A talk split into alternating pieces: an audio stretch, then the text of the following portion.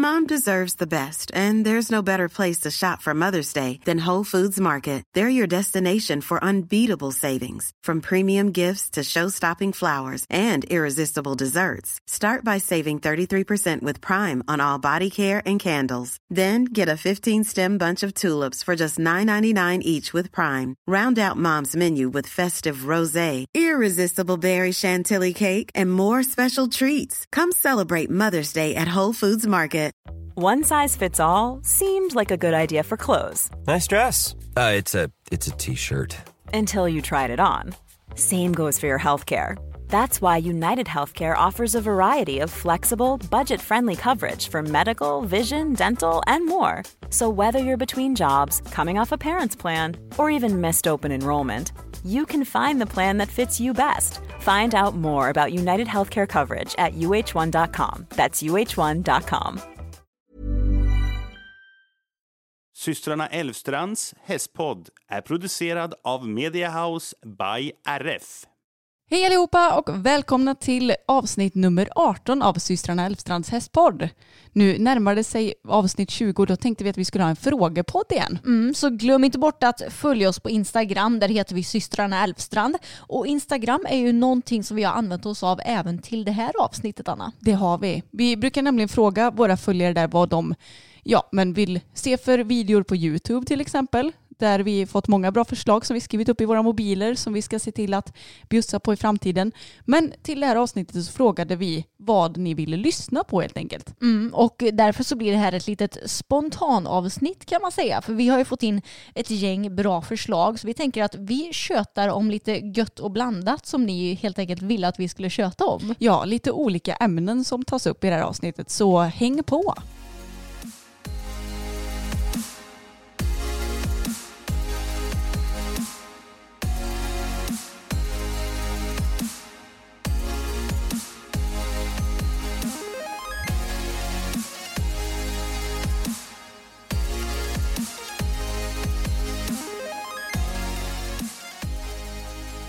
Och nu när vi spelar in så har vi precis kommit tillbaks från vår naprapat. Anna, hur känner du dig i kroppen? Jo, men jag känner mig bra. Egentligen känner jag ju ingen större skillnad för att vi var väldigt bra i våra kroppar, både du och jag. Ja. Och vi fick ju beröm från vår naprapat idag. Ja, för en gångs skull, eller för en gångs skull, men förra gången när i alla fall jag var där så var jag katastrofalt skev. Jag brukar ju inte vara så skev eftersom vi ändå går dit ganska ofta. Men eh, det var inte bra förra gången. Men idag sa han att du är så fin. Och det är så kul när han säger det för han menar ju att mina koter och det där är fina liksom. Ja, han skiter fullständigt hur man ser ut på utsidan. Det är liksom, han är ju bara intresserad i själva kroppen. Ja, och så säger han, du blir finare och finare för varje gång. Då får man tacka och ta emot de komplimangerna. Ja men det är skönt för vi har ju inte haft några smärtor nu det senaste heller. Nej, det har vi inte haft. Jag hade ju jätteproblem med mina höfter för, ja det var väl drygt två månader sedan. Men jäklar jag känner mig riktigt fräsch i kroppen. Inte idag då, för jag har ju en extrem träningsvärk i hela överkroppen idag. Jag kan typ inte ens röra mina armar. Och det är sällan jag får så mycket träningsvärk i överkroppen, men ibland händer det så att säga. Vad har du fått träningsvärken av då? Ja, jag gjorde armhävningar på smittstången. För jag kan ju inte ens göra en vanlig armhävning när man liksom står på tå och gör det mot marken. Så jag står upp och så lutar jag mig emot ja, en stång kan man säga.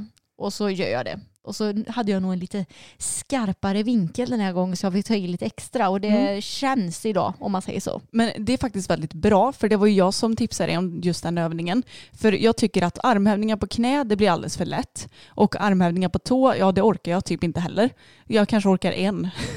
Men jag menar det utvecklar man ju inte så mycket av. Så att eh, armhävningar mot en eh, stång eller mot en vägg eller någonting är skitbra. Mm, verkligen. Och hästarna, de har nog inte så mycket verk i sina kroppar för jäklar vad de är fina nu. Ja men alltså det är helt sjukt för Fokus han vilade förra veckan eftersom jag var sjukskriven och du fick ju prioritera de andra hästarna och pappa var med och hjälpte till att rida och sådär och eftersom alltså jag skulle inte säga att Fokus är svår men han är ju lite ja men han är inte riktigt lika förutsägbar som de andra hästarna om man nu kan säga sånt. Det är väl en bra beskrivning Emma? Ja, Mm, så därför fick han vila. Och då var jag lite så här, ja men vi får se lite vart vi har honom nu efter vilan.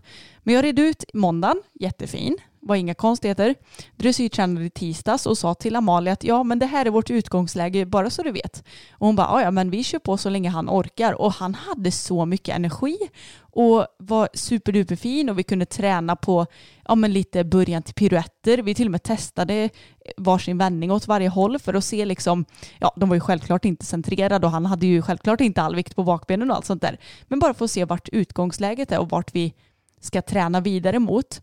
Och ja, men kunde träna mycket travarbete där han fick sätta sig ordentligt och alltså han var så fin. Men det bästa av allt var nästan uteritten idag. Mm, ja, han var superduktig då. Ja, inga konstigheter. Det stod lite bröte i skogen som man inte brydde sig någonting om. Som var nya, det brukar de ju reagerar ganska mycket på när det är något nytt i deras kära skog.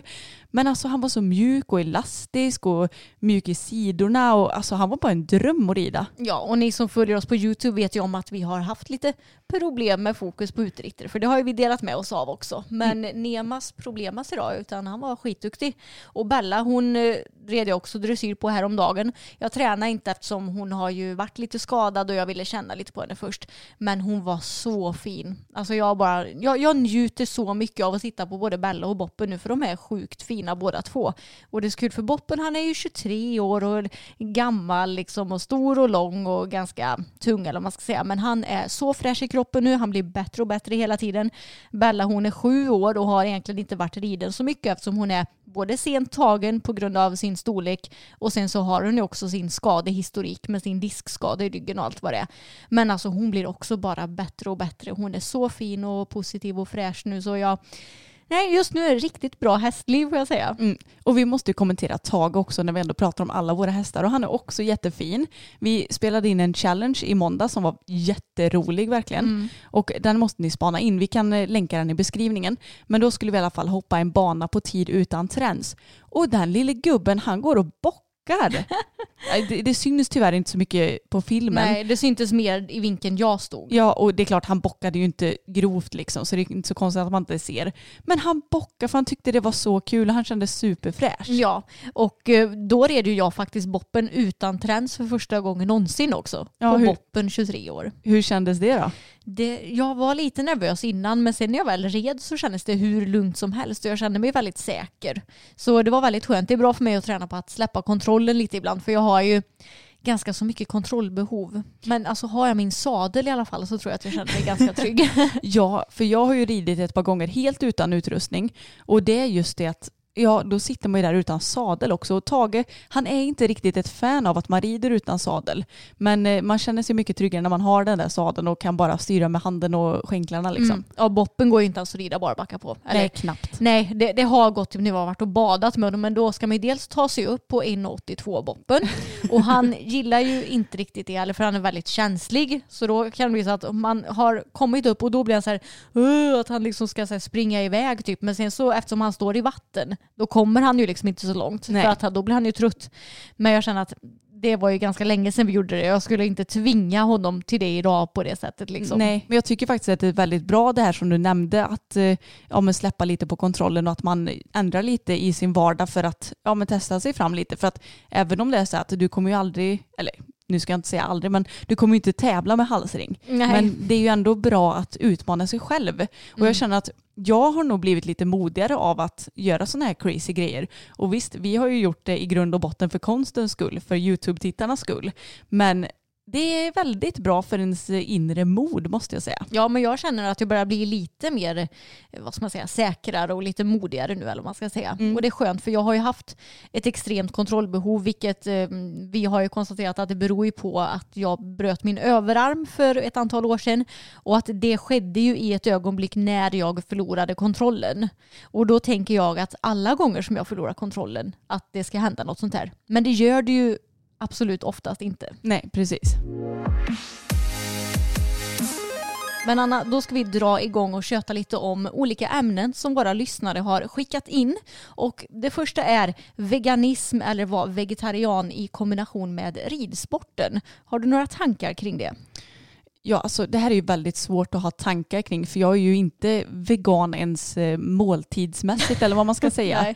Eh, så jag tror att jag får väl step out of this discussion lite grann och eh, så får väl du blomstra fram med dina åsikter Emma. Ja, alltså det är ju, för det första så är det så himla många som vill sätta en etikett på mig. Jag själv känner ju inte något behov av att göra det. Eh, Men för att ni ska ha lite koll så kan jag ju säga att jag äter aldrig kött. Jag har inte ätit kött på fyra år blir det nu. Och sen tre och ett halvt år tillbaka ungefär så äter jag i princip inte heller mejeriprodukter eller ägg. Utan jag äter ju nästan en helt vegansk kost. Det, jag fuskar lite ibland, typ om man är bortbjuden på kalas och eh, Choklad. Ja, precis. Och när jag säger att jag fuskar så menar jag att jag kan äta ovolakt och vegetariskt, det vill säga mejeriprodukter och ägg men aldrig kött. Och sen så gillar jag ju vanlig choklad också. Det är ju tyvärr mycket godare än eh, vegansk choklad. Mm, det skriver jag under på. Mm, och eh, kanske unna mig någon pizza också en gång i månaden. Men eh, till 98 procent så äter jag helvegetariskt. Och för det första så blir jag också lite irriterad på folk som inte riktigt kan de här begreppen, vad som innebär att vara vegetarian och vegan och vegansk kost och vad det nu kan vara liksom. Ja, för är du vegetarian då äter du ingenting som kommer från djurriket. Nej exakt, så jag kan ju inte ens säga att jag är vegetarian. Nej, för då tror ju folk att du äter lax och du äter kyckling och du äter... eh, Nej, just det, du äter ju honung. Ja, det är därför du inte kan kalla dig vegetarian. Ja, och för att jag fuskar lite ibland. Ja, det är klart. Men det roliga är att folk tror ju att om du säger att du är vegetarian, Mm. då äter du ju fisk och så som jag sa förut, fisk och, och ägg och hela köret. Ja, Men precis. Så är det ju egentligen inte om man ska ha rätt benämning på det hela. Nej, exakt. Utan då är man ju ovo, lakto, vegetarian om man äter mejeriprodukter och ägg till Mm. exempel. Eller pescetarian om man äter fisk, eller Ja. vad är det? Exakt. Men om man ska vara vegan då ska man ju utesluta allting som liksom kommer ifrån djur eller vad man ska säga. Mm. Så du får ju inte heller använda läderprodukter till exempel eller dunjackor och allt vad det nu kan vara. Djurtestat smink och så vidare. Mm. Och jag tror att ifall det, det är lite det här också att även om jag hade gått över till att äta 100% vegansk kost så hade inte jag kunnat kalla mig för vegan. Nej, För jag har ju ändå läderprodukter i ridningen. precis. Sadel, träns, stövlar. Jag känner att det är ingenting som jag skulle kunna byta ut som det känns nu i alla fall. Nej, alltså det är klart att du hade kunnat för det finns ju bra syntetsadlar idag och det finns ju plastträns och det finns ju säkert stövlar som ändå är i någon form av konstläder som är bra liksom. Men det är lite så här vad man är van vid och vad vill man kompromissa med. Mm. För vi är ju vana vid läder och vi tycker att det är ett himla trevligt material att ha just i stallet. Mm, precis, och jag tror ändå att många som kanske lever veganskt utanför ridsporten också kan fuska inom stationstecken lite inom ridsporten. För det känns som att utanför sporten så skulle jag tycka det var mycket konstigare att köpa ett par läderskor. Alltså det skulle jag aldrig göra för jag ser inte syftet med det. Nej precis, du skulle inte gå till en vanlig skoaffär och välja ett par läderskor. Nej precis, och inte heller skulle jag köpa en jacka med dun till exempel. Mm. Eller något sånt där. Så jag har ju ändå ett, vad ska man säga, veganskt tänk lite utanför sporten.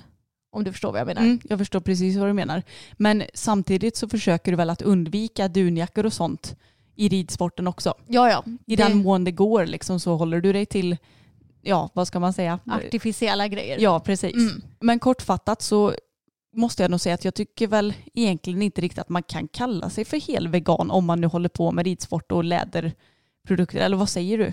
Nej, alltså jag skulle inte säga det. Nej. Men jag är ju väldigt så här, strikt med min moral eller sådär också. Ja, precis.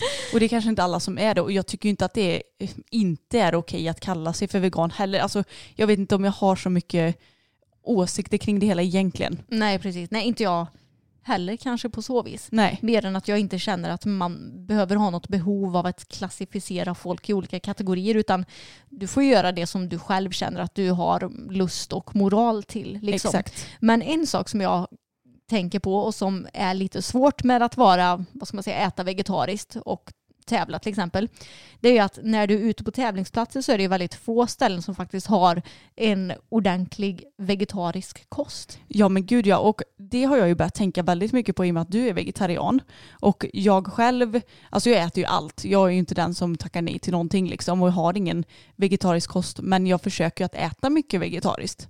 För att jag tycker att ja, men det är bra för djur och natur och mig själv också. Men jag har ju börjat tänka mycket i de banorna eftersom just du äter helvegetariskt.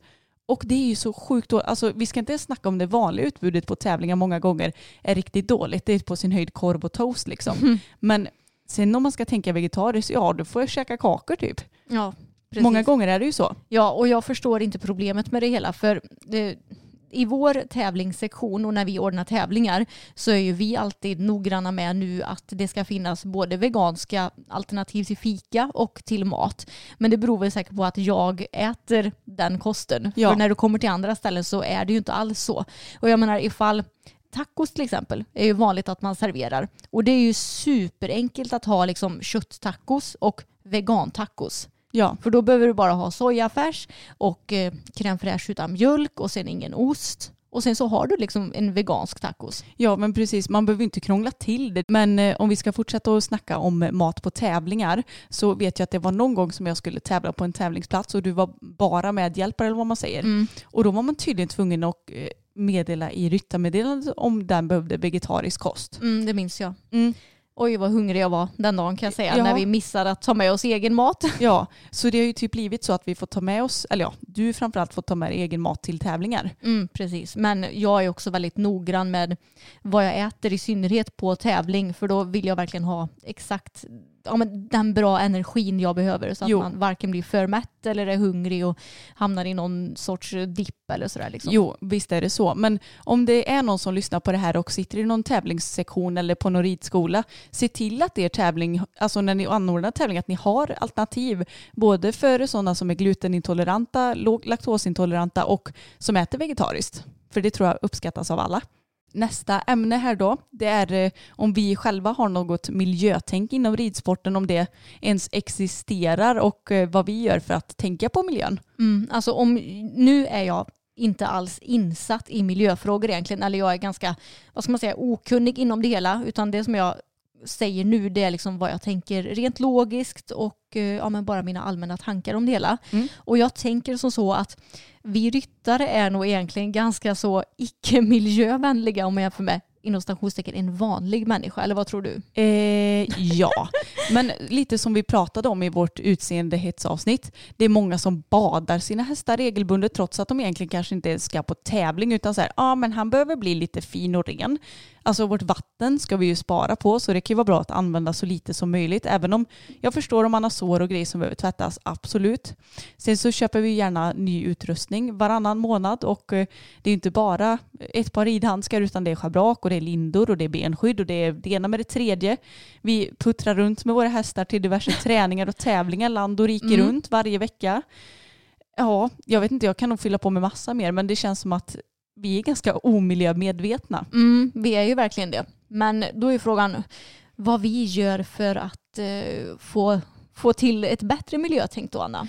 Ja, vi tvättar ju för det första aldrig våra hästar typ. Nej, om det inte är nödvändigt. Ja. Det blir ju lite mer nu på sommaren när de blir svettiga. Men det är inte så att vi står med rinnande vatten hur länge som helst. Liksom då. Nej, och det är sällan vi badar dem med schampo hela köret. Alltså, det händer ju typ aldrig. Nej, det gör vi bara. Alltså, vi tvättar typ benen på tävling till Ja. sin höjd. Ja, men jag tycker det är onödigt att göra mer. Mm. För de ser liksom hela och rena ut ändå. Ja men precis. men sen så försöker vi ju själva att inte köpa för mycket nya grejer. Mm. Jag har ju blivit lite bättre på senare år att köpa begagnat i den mån det går. Mm. Och det tycker jag verkligen, alltså det ska jag slå ett slag för. För att det är, dels är det ju ganska snällt mot plånboken och eh, något som någon annan inte har behov av längre, det får liksom nytt liv.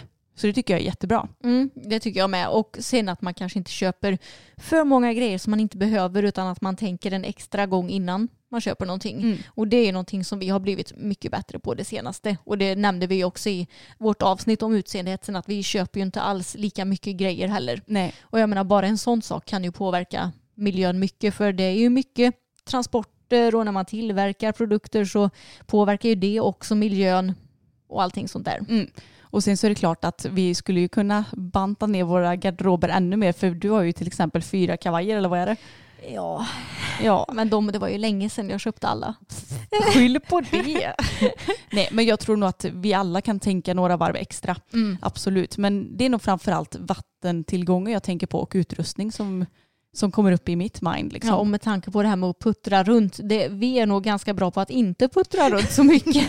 Ja, vi åker till ridskolan varannan vecka, det är typ det. Ja, den ligger fem minuter bort Mm. och sen tävlar vi och då håller vi oss nästan bara i vårt distrikt. Det blir ju lite svårare om du tävlar på typ så nationell och internationell nivå för då blir du ju genast hysteriskt mycket mer en miljöbov så att säga. Ja, men vi ska också tillägga det att vi åker ju inte runt till de närmsta klubbarna bara för att vi tänker på miljö. Det är för att vi är lata.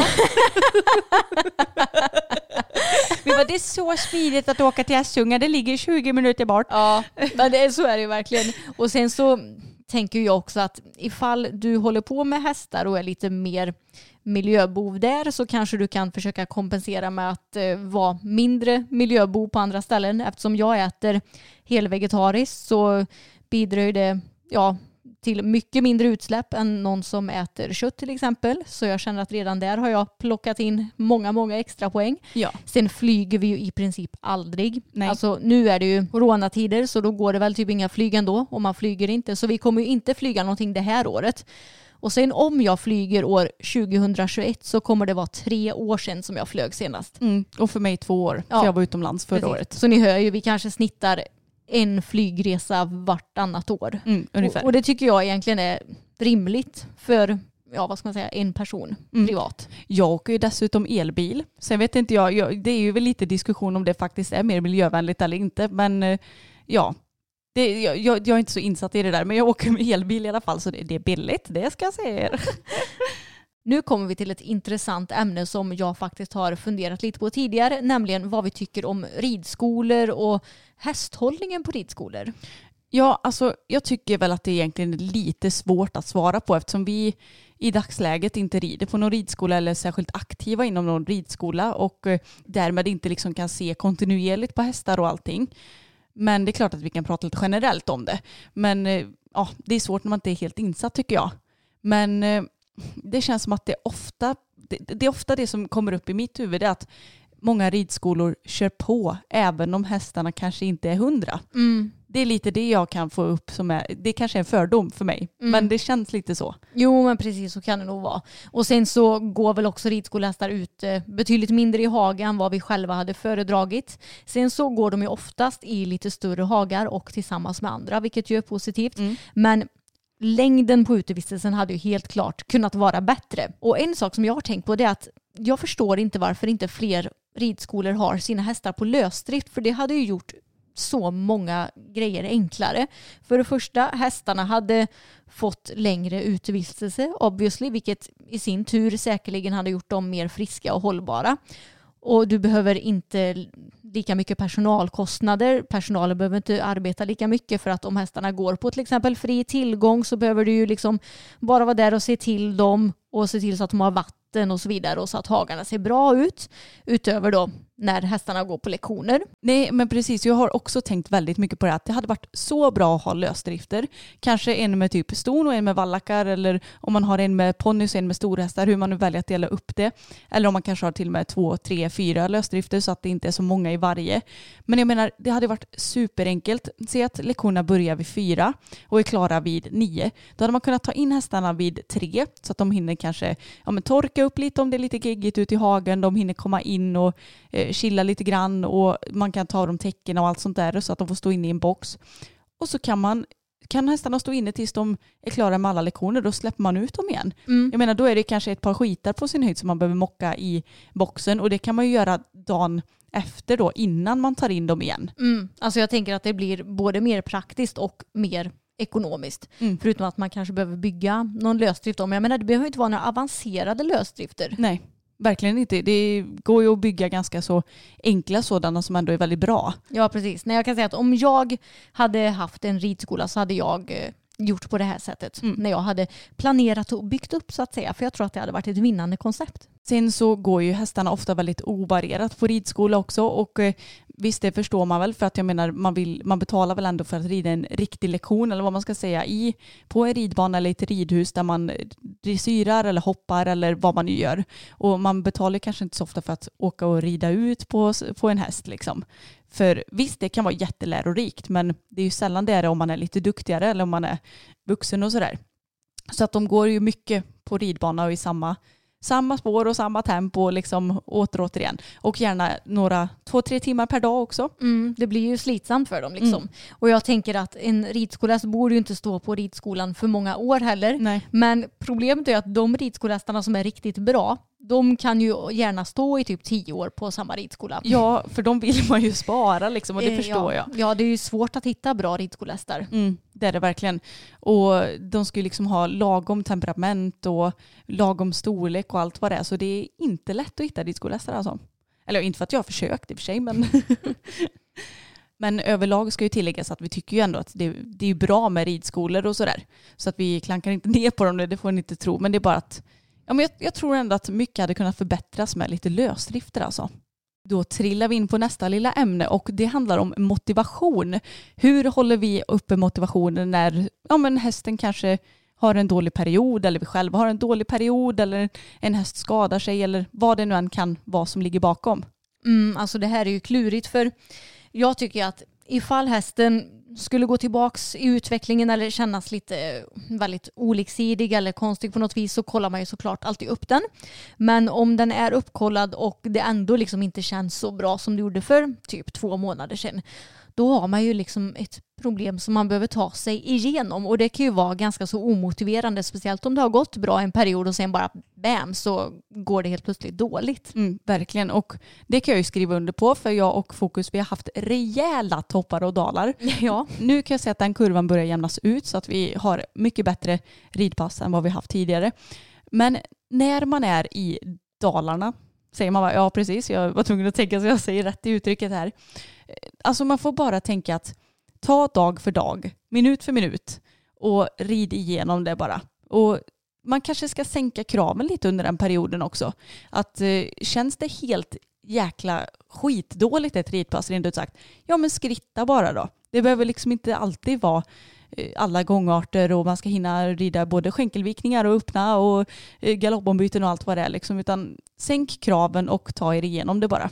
Ja, och jag brukar tänka lite så här procentuellt när jag rider. Mm. Att ifall jag hoppar upp på Bella till exempel och jag känner att hon har en bra dag, då siktar jag ju på att det ska kännas 100% bra och att jag vill avsluta passet då. Men om jag hoppar upp på henne och känner att vi har en riktig skitdag, att det liksom inte alls känns bra från början, då kanske jag tänker att jag ska försöka komma upp till 70% och att jag nöjer mig där då. Och att jag inte blir besviken över att jag inte kan komma upp till 100% för det finns ju ingen individ som alltid kan vara på 100% hela tiden. Nej, det är ju inte vi själva heller. Nej. Herregud, vi kan vara nere på 5% ibland. Ja, och sen så brukar jag också tänka när det kommer till motgångar att de behövs ju för att man ska växa.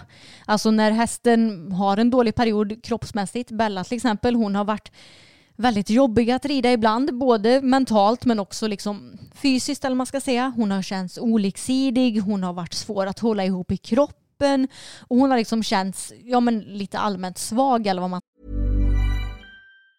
Many of us have those stubborn pounds that seem impossible to lose, no matter how good we eat or how hard we work out. My solution is PlushCare. PlushCare is a leading telehealth provider with doctors who are there for you day and night to partner with you in your weight loss journey. They can prescribe FDA-approved weight loss medications like Wagovi and Zepbound for those who qualify. Plus, they accept most insurance plans. To get started, visit plushcare.com slash weight loss. That's plushcare.com slash weight loss. Hold up. What was that? Boring. No flavor. That was as bad as those leftovers you ate all week. Kiki Palmer here, and it's time to say hello to something fresh and guilt-free. Hello Fresh. Jazz up dinner with pecan-crusted chicken or garlic butter shrimp scampi. Now that's music to my mouth. Hello Fresh. Let's get this dinner party started. Discover all the delicious possibilities at hellofresh.com. ska säga. Mm. Och jag brukar faktiskt kunna hålla motivationen ganska bra för jag vet att när som helst så kan det bara säga pang och då har det här vänt. Ofta med lite vila tycker jag. Mm, jag håller med. Och det är så lustigt för jag tror att många hästar är väldigt olika när det kommer till sånt där. Tage till exempel, han brukar ju leverera ungefär på samma procent varje pass nästan. Det kan vara något enstaka pass som jag var oj, nu var han helt plötsligt lite sämre här. Då blir jag ju nästan förvånad istället. Ja. Men som till exempel fokus, då går jag ut på ridbanan och försöker vara så nollställd jag bara kan sitter upp och börjar uppvärmningen och känner efter lite vart vi är för dagen. För att det man måste tänka på det är att Säg att man rider ett pass på måndagen och det är 100% då kan du inte förvänta dig 100% på tisdagen heller. Eller så, för att det kan växla så himla mycket på vissa hästar. Men eh, ja, det gäller bara att hålla motivationen uppe och kämpa igenom helt enkelt. Men på tal om det här med att hitta motivation när det går dåligt så är det också en stress för många att vara bäst och att hela tiden prestera. Och har du några tankar kring det Anna? Ja, alltså det känns som att inom ridsporten då ska alla sikta mot OS. Mm. För att det känns som att så här, har du inget mål som är högt siktat så förstår man inte riktigt varför folk rider. Och det vet jag att nu, eller när vi hade bara tag och boppen, så var det många som frågade lite, ja ah, men ni är ju bara hobbyryttare och ni har bara ridit till den här nivån och har ni inga mål och bla bla bla liksom. Men då kände vi att nej, det har vi inte för att ja, men vi vill inte bli några liksom, internationella toppryttare. Och jag tror bara att man får acceptera att alla vill inte bli bäst. Och därför behöver vi inte heller ha press på folk att de ska vara bäst heller. Nej, och det känns som att många verkar ju tycka att antingen så ska du vara helt skogsmulle mm. och liksom inte tävla överhuvudtaget eller så ska du, som du sa, satsa och bli liksom bäst. Och då, det, det här med ett mellanting, att vara en hobbyryttare men tävla ibland som vi gör, mm. det verkar ju vissa kanske tycker är lite konstigt. Jag vet inte. Ja, och det är ju bara upp till en själv vilken nivå man vill vara på. Och det är klart att det kan ändra sig. Nu när jag har skaffat fokus så känner jag ändå att ja, men det hade varit kul att komma lite högre i ridningen. Sen får vi se vart det landar. Men vet om jag hamnar på Grand Prix så småningom i dressyr eller om jag rider i något 30 hoppning. Det tror jag i och för sig inte. Men, men eh, det vet jag inte. Sen kanske jag tävlar medels C eller medels B eller så blir det lätt A. Alltså, jag vet inte. Jag vet bara att jag vill utvecklas tillsammans med den här hästen. Sen får vi se vart det landar. Och jag tror att det kan nog vara ett ganska, även om jag vet att folk tjatar om att man ska ha specifika mål, så tror jag ändå att det kan vara ganska hälsosamt att ja, men se lite vart vågen tar en också. Ja men det håller jag verkligen med om. Jag brukar säga att jag har liksom inga mål med min ridning när det kommer till resultat och sådär. Utan mitt enda mål är att jag vill bli så duktig som jag bara kan inom hästar och då menar jag inte bara inom ridning utan även hästhållning, hästhantering, horsemanship, ja men allt sånt där. Jag vill lära mig så mycket jag bara kan. Och det är för att jag brinner så himla mycket för hästar och ser det här som ett väldigt stort intresse liksom. Mm. Inte för att jag vill bli någon professionell tävlingsryttare. Nej men precis, det kommer vi ju aldrig att bli. Nej. Men som du säger, man kan ändå bli bäst på det man kan bli bäst på. Även om det inte är någon press, för att vi kan rida också bara för att det är roligt. Och sen gäller det ju hela tiden att se till dina egna förutsättningar. Alltså krasst nog inom ridsporten, har du ingen bra häst då kan du inte heller vara bäst. Så tråkigt är det ju. Ja, det låter hårt, men det är ju faktiskt så. Mm. Och det är mm. klart att det finns guldkorn där ute som inte har kostat eh, en större summa som tar sig upp i klasserna. Absolut, det finns det. Men det är ju väldigt det är ju det är inte generellt så. Nej, och det är bara att kolla på Rolf-Göran Bengtsson till exempel. Han är ju enligt mig en av världens bästa ryttare. Mm. Det ser man ju på hans tidigare resultat också. Men nu de senaste åren, han har liksom inte haft samma hästmaterial som han hade när han hade ja men Casall och Ninja till exempel. Mm. Och då är han liksom inte bland de bästa i världen längre. Och det är klart att det här gäller ju även för oss hobbyryttare eller vad man ska säga. Vi, du är ju aldrig bättre än din bästa häst. Men däremot så kan ju du själv alltid bli bättre på att rida. Jag är säker på att Roffe tycker säkert att han är en bättre ryttare nu än vad han var för, ja, sex, sju, åtta år sedan. Mm, säkert. Och jag tycker att vi överlag behöver lägga ner pressen på oss lite grann. För att eh, som vi har eh, tagit upp här i ämnet att det är stressen att vara bäst som är jobbig. Jag tror att Ja men som sagt, man kan bara se till sig själv och skita lite vad andra har för förväntningar på en. För det är det jag tror det blir stressen. Att man tror att folk vill att man ska vara bäst.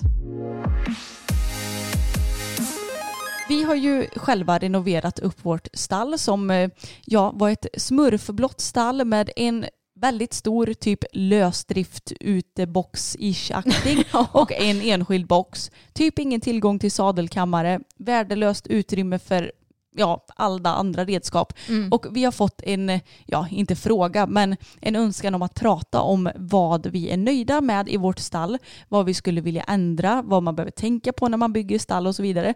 Så vi tar väl helt enkelt och snackar om det lite grann. Mm, alltså generellt så är väl vi väldigt nöjda med vårt stall. Och för er som inte vet hur det ser ut så kan vi ju bara referera till vår YouTube-kanal för där finns det ju oändligt många filmer ifrån vårt stall. Men jag skulle säga att eh, en spolspilta det är verkligen guld värt att ha i stall. För vi har ju stått i stall förut där det inte har funnits en spolspilta och det blir väldigt mycket krångligare. Ja, men alltså, vet du vad jag kom att tänka på nu när du sa det där? Nej. Det är att vi har ju sällan så leriga hagar nu som vi hade när vi stod i stall utan spolspilta. Mm, jag vet. För då var vi ju tvungna att spola av benen varje dag för att Mm. de inte skulle bli helt söndergeggade när vi skulle ta in dem på kvällen. Men det är ju lite ironiskt att nu när vi har vår spolspilta då behöver vi inte spola av benen. Nej. Men skitsamma, det är ju inte därför man har en spolspilta. Men det är ju kanon om hästen får sår och man behöver tvätta dem eller ja, om man nu vill bada någon gång då och då. Ja, exakt. Och sen också utöver spolspilta ordentliga uppbindningsplatser som är liksom säkra och där du har gott om plats på det och sådär. Också guld värt. Sen så vår stallgång den är ju inte så bred men det är för att vi hade ju inte kunnat ha en bredare stallgång för då hade vi ju fått minska ner på boxarna och det kan vi inte göra för då hade de ju inte passat våra hästar. Nej, alltså grejen är att våra boxar är ju ändå ganska stora. De är på nästan 12 kvadrat tror jag. Mm. Så det är klart att de är ju ganska stora så att man hade kunnat minska ner lite grann. Men vi ville ha stora boxar eftersom vi ändå har boppen som är stor. Nu står inte han på box längre men eh, det är ändå väldigt skönt att ha. Så att har man en begränsad yta då får man helt enkelt tänka efter om man vill kompromissa lite på stallgången eller boxytan. För det är ju faktiskt skönt att ha en stallgång som du faktiskt kan vända hästen i. Det utan, att, utan att den slår i någon box eller någon vägg eller något sånt där. Ja, så den enda av våra hästar som kan vända det är ju Tage. Ja, de andra får vända sig i boxarna eller typ komma bort till spolspiltan och vända om det nu skulle behövas. Mm, eller backa ut. Ja, det går ju också bra. Våra hästar är ju ganska bra på att backa. Ja, och det funkar ju för oss och vi är väldigt vana vid det här så att det är liksom inga, det är inga konstigheter för oss egentligen. Men om man kan så en bred stallgång är ju väldigt trevligt. Gärna på typ 3-4 meter så man har riktig, riktig, riktig stallgång. Mm, det hade varit nice. Mm. Och sen så också kommer vi till sadelkammare. Vi har ju som sagt ett eh, ganska så litet stall så det var ju begränsad plats även i sadelkammaren. Men jag tycker nog att vi har ändå gjort vad ska man säga, det bästa av situationen för vi vill ju även ha en toalett. Det kan vi säga det är typ ett must have för oss. Ja, för att Ja men dels så kände vi eftersom vi skulle ha hyresgäster i stallet, de kunde ju inte springa in i huset och hålla på och gå på toa där liksom. Nej, eller sitta i boxarna. Nej, nej, ja det har man ju haft historier om här på podden tidigare. Ja. Nej, utan det är väldigt skönt att kunna erbjuda toalett. Om man kan och har råd förstås. Men sen så har vi också en tvättmaskin inne i vår toalett som är guld värd för då kan man bara kasta in schabraken när det är dags att tvätta och täcken och allt vad det nu är. Men det man kan tänka på när man bygger stall det är ju att bygga en rejäl sadelkammare och gärna extra förvaring. Något som jag faktiskt saknar det är ett täckesrum. ja, det hade varit så nice. Ja, ett täckesrum med någon form av kanske fläkt eller om det är värme i som gör att täckena torkar ordentligt. För då skulle man kunna ha massa sådana här täckeshängare och hänga upp dem på väggen och så kan de bara hänga och torka så tar man något annat täcke under tiden. Ja, vi har ju inte så mycket plats som sagt så vi får ju förvara de flesta av våra täcken och hästgrejer i källaren i mitt hus. Och sen har vi framme de täckena som det är säsong för eller man ska säga. Mm. Och om täckena blir blöta då är det lite svårt att torka dem för vi har ju liksom inget värmerum i stallet. Nej, men nu blir de ju sällan liksom så blöta att vi behöver ta av dem och hänga upp dem någonstans. Och i värsta fall så tar vi in dem i ditt hus. Ja. Men det är ju helt klart inte optimalt. Så ett täckesrum, det hade jag byggt om jag hade haft möjlighet. Sen gärna att man har liksom allting på samma nivå för vi har ju det blir ju som ett typ stort trappsteg upp till eh, vad ska man säga, foderkammaren och hinderboden. Mm. Och när vi hade hästar på box så fyllde vi ju på spån genom den dörren eller man ska säga. Och då blev det som ett trappsteg där man var typ tvungen att lyfta ner skottkärran ifrån och det var ju lite opraktiskt. Ja, och jag vet inte, pappa bara, ja men det här trädäcket är så fint så det sparar vi. Men det kanske inte var så himla smart med eh, facit i hand. Nej, men nu låter det som att vi har klagat ganska mycket på vårt stall. Vi är ju egentligen väldigt, väldigt nöjda med det. Ja, men vi är extremt nöjda. Men det är klart att när man har haft stall ett tag så märker man ju lite vad de flasen är, eller vad man ska säga. Ja, precis. Och det är också guld värt att ha en ridbana får jag ju säga. Mm, gud ja. Alltså utan vår ridbana då hade vi inte ridit så mycket som vi gör idag. Nej. Och såklart så ska man ju tänka på foderförvaring också. Och den behöver man ju byg inte bygga så stor egentligen, men allt beror ju på om man väljer att ha ja, men både hö och kraft och sånt på samma ställe eller om man väljer att bara ha kraftfoder. Om man har tusen olika kraftfodersorter kanske man behöver bygga ett lite större liksom kraftfoderrum eller sådär. Men det gäller att tänka på allt, vart man har sina skottkärror och sånt. De har vi i en box eftersom våra går ute på lösdrift just nu. Så att vi behöver inte ha något specifikt ställe för dem. Men eh, ja, jag vet inte, man får tänka på vart man ska förvara alla grejer helt enkelt. Sen fick vi ett förslag på ämne att vi ska prata lite om ja, men skillnaden mellan hästhållningen i Sverige och i andra länder. Och det är lite svårt för oss för vi har ju liksom ingen personlig erfarenhet av det hela. Däremot har vi ju en del kompisar som har jobbat utomlands i främst Holland Mm. och som man har förstått att det är stor skillnad på hästhållningen där och här och det märker man ju också på många av hästarna som kommer ifrån Holland. Fokus. Mm. De är lite traumatiserade från sin tid där. Ja, och eh, han kanske var extremt traumatiserad också dessutom eftersom att ja, han sålde som en utbränd hopphäst. Så han kanske är lite extrem, det vet jag inte.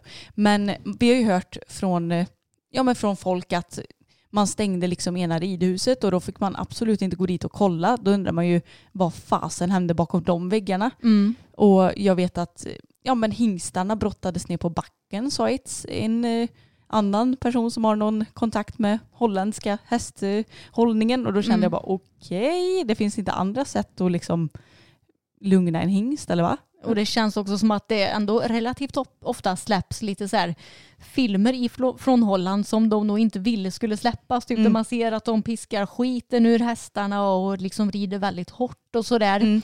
Och en film som jag eh, har etsat i mitt, eh, mina ögon det är en film där de hoppar ett hinder och sen när hästen är över hinder så kastar de upp frambommen på benen på hästen. Mm. Kommer du ihåg den? Ja, det är nog väldigt vanligt också. Mm. Att man barrerar hästarna. Och det är, fun fact, min kille han är från Holland. Och, och han är dessutom uppvuxen på en häst slash kogård för hans familj födde upp friserhästar. Så det är inte riktigt samma eh, hästhållning som med hopphästar. Då, Nej. Kanske. Och han pratar frisiska. Det är Ja. lite roligt. Men det jag tänkte säga i alla fall, det är att jag brukar säga till honom att, eh, att ni i Holland, ni är så elaka mot hästarna. Och han bara, not all of us. och jag bara, nej men generellt så är, ni, så är nog hästhållningen i Holland ganska så mycket värre än i Sverige. Ja, och jag tror att många bara säger att ja, men i Holland är de lite hårda. Men Mm. alltså, ursäkta, men hård, det, är- det är inte ens en bra beskrivning på hur de är. Nej. Och sen så hästarna, vad vi har förstått också av våra kompisar som har varit där, de går väl för det första typ inte ens i hage och om de går i en hage så är det väl typ att de har en box och sen har de en liten ruta utanför hagen. Ja, där de typ kan gå ut när de vill eller? Ja, jag Ja. tror det. Alltså många gånger är det nog så. Mm. Och om de har vanliga hagar så är det väl kanske inte som våra hagar på tre hektar där hästarna får gå i flock eller om man säger så. Nej, och sen har man ju fått höra att de aldrig, aldrig, aldrig, aldrig reds ut på. Nej. Alltså never ever. Och nu pratar vi ju väldigt generellt förstås. Det finns ju alltid bra ställen och dåliga ställen. Men Mm. vad vi har hört om liksom.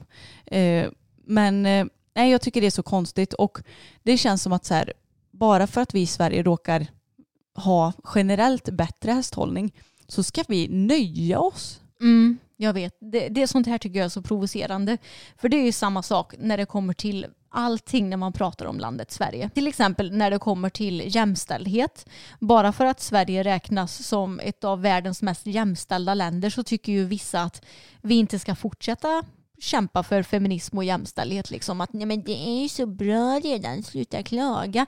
Ja men om vi inte liksom klagar eller försöker göra något åt det då kan det ju inte bli ännu bättre för vi är ju fortfarande inget jämställt land. Nej, det är klart att man är tacksam över att man bor och lever i Sverige för att vi ändå har det så bra. Mm. Men det är klart som fasen att vi måste fortsätta. Ja, och detsamma gäller ju med hästar och hästhållning. Att bara för att vi har, eller inte vi, bara för att de flesta har en helt okej hästhållning i Sverige så betyder ju inte det att vi inte kan kämpa för att hästarna ska få det ännu bättre. Nej, det är ju inte hundra procent. Nej, nej, verkligen inte. Och sen tror jag att rötägg, det kommer finnas i alla länder, inom alla sporter.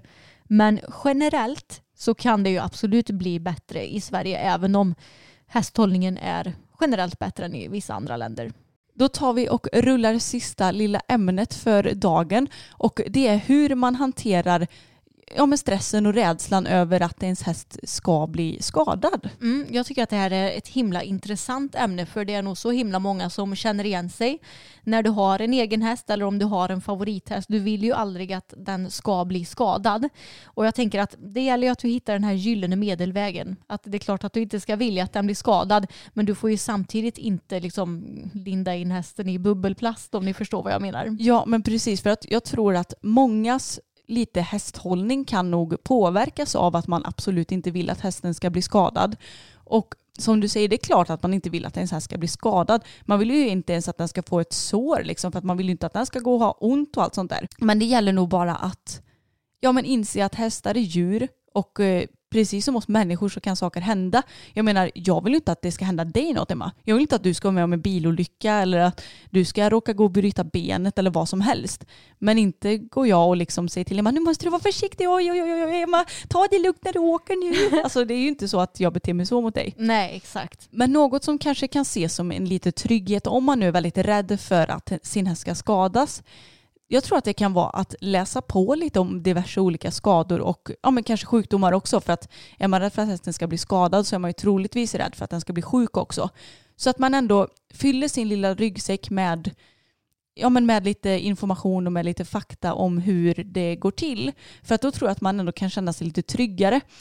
Och ska man vara rent krass så är det ju ganska så sällan det händer saker med hästar som gör att de måste tas bort. Mm, Mycket precis. går ju att fixa. Ja, de flesta skador är ju egentligen ganska harmlösa. Mm. Vissa kanske kan ta lite tid att läka men de flesta hästar blir ju ändå bra ifrån de flesta skador. Det som jag tycker är så jobbigt när våra hästar har blivit skadade, till exempel nu när den här olyckan med Bella hände senast när hon fick massor av sår på sina ben. Det jag tyckte var jobbigt det var ju inte att åh nej nu får inte jag rida på Bella.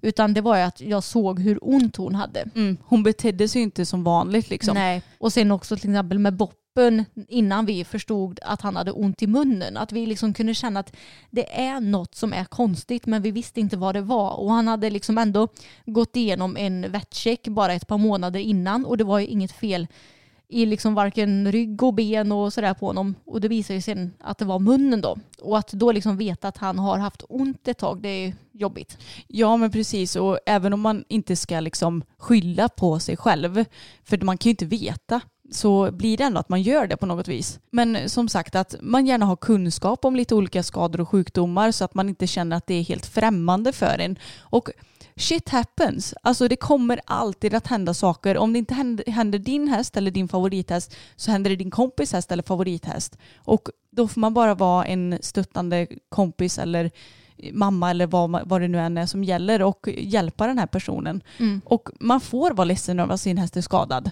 Man får vara ledsen över att få en diagnos över sin häst. Och det är liksom så här att löser det sig så löser det sig och löser det sig inte och man nu måste ta bort sin häst så klarar man det ändå. Även om det inte känns så. Mm, precis. Jag tror att du och jag har nog nästan blivit lite härdade när det kommer till det här. För vi har ganska så stor erfarenhet av skador. Vi har ju även varit tvungna att ta bort en häst på grund av en eh, åkomma som han hade som vi inte visste om att han hade när vi köpte honom till exempel. Och vi blir nog härdade och tycker att skador är väldigt naturligt. Och det tror jag blir så. Ju äldre du blir desto mer erfarenhet får du. Och då kanske du inte riktigt ser lika, vad ska man säga, stort på en skada.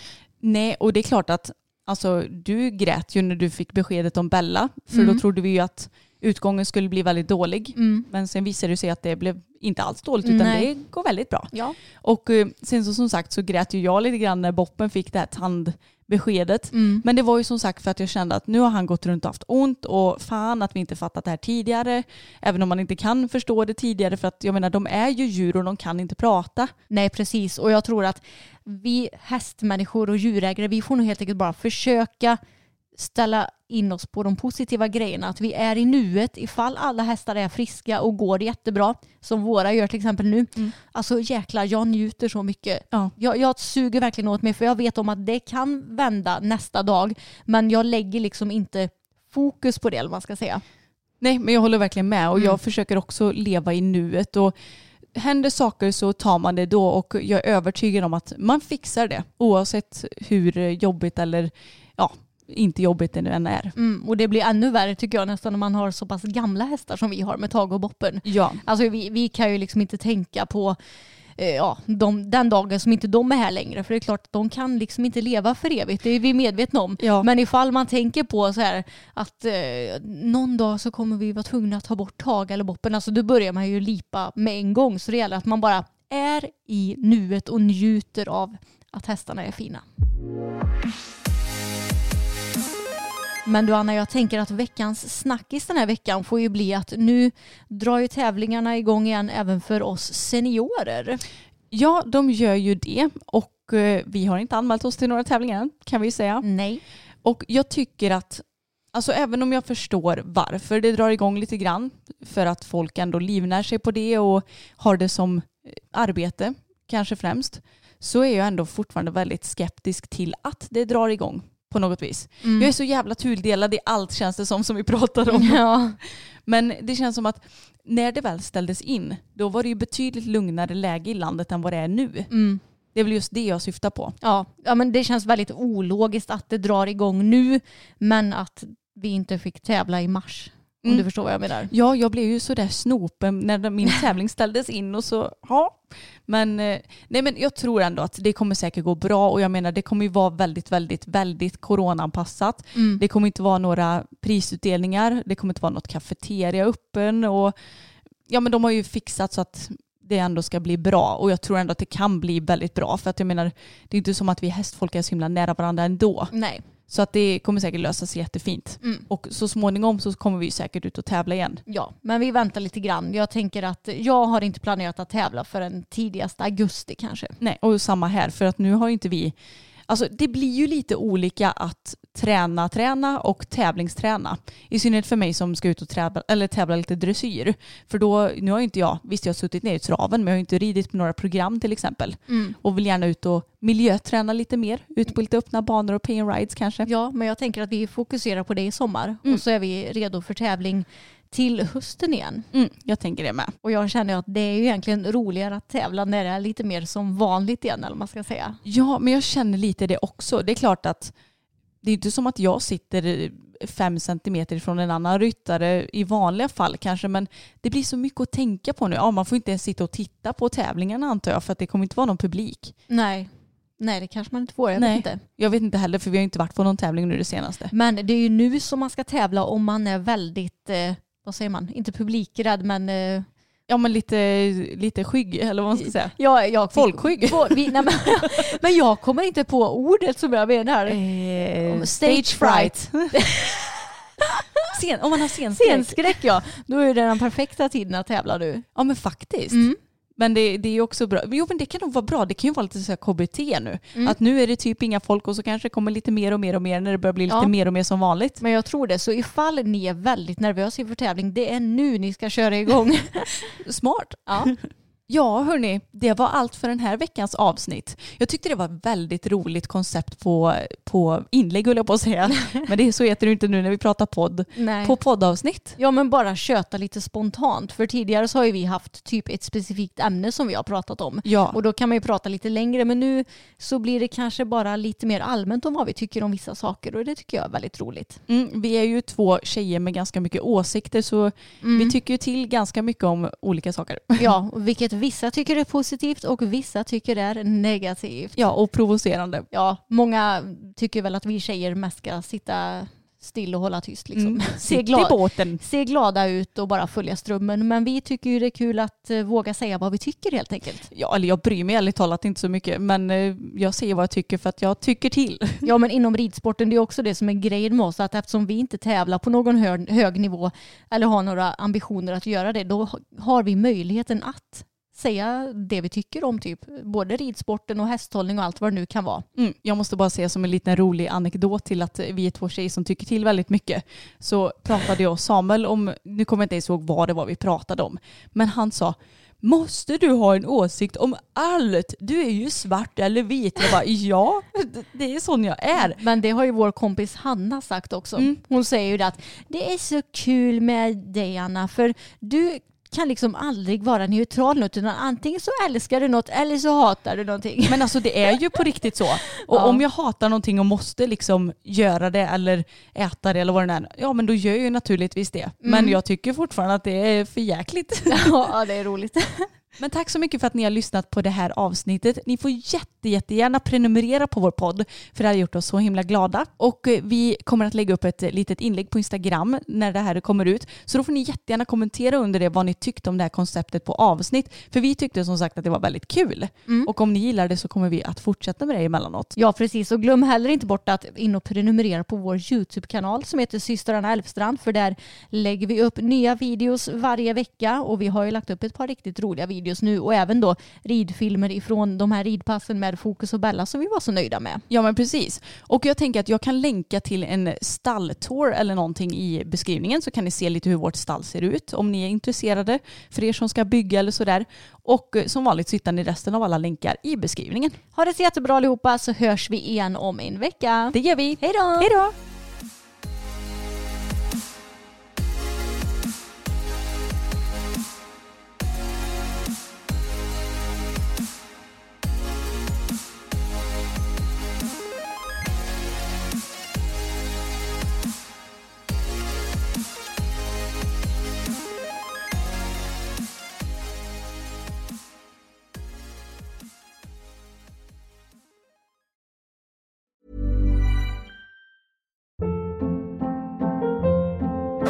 Hold up. What was that? Boring. No flavor. That was as bad as those leftovers you ate all week. Kiki Palmer here, and it's time to say hello to something fresh and guilt-free. Hello Fresh. Jazz up dinner with pecan-crusted chicken or garlic butter shrimp scampi. Now that's music to my mouth. Hello Fresh. Let's get this dinner party started. Discover all the delicious possibilities at hellofresh.com.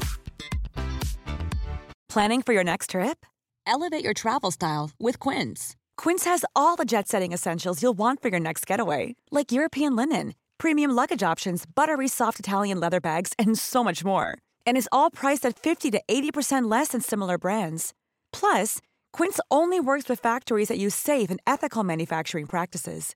Pack your bags with high-quality essentials you'll be wearing for vacations to come with Quince. Go to quince.com slash pack for free shipping and 365-day returns.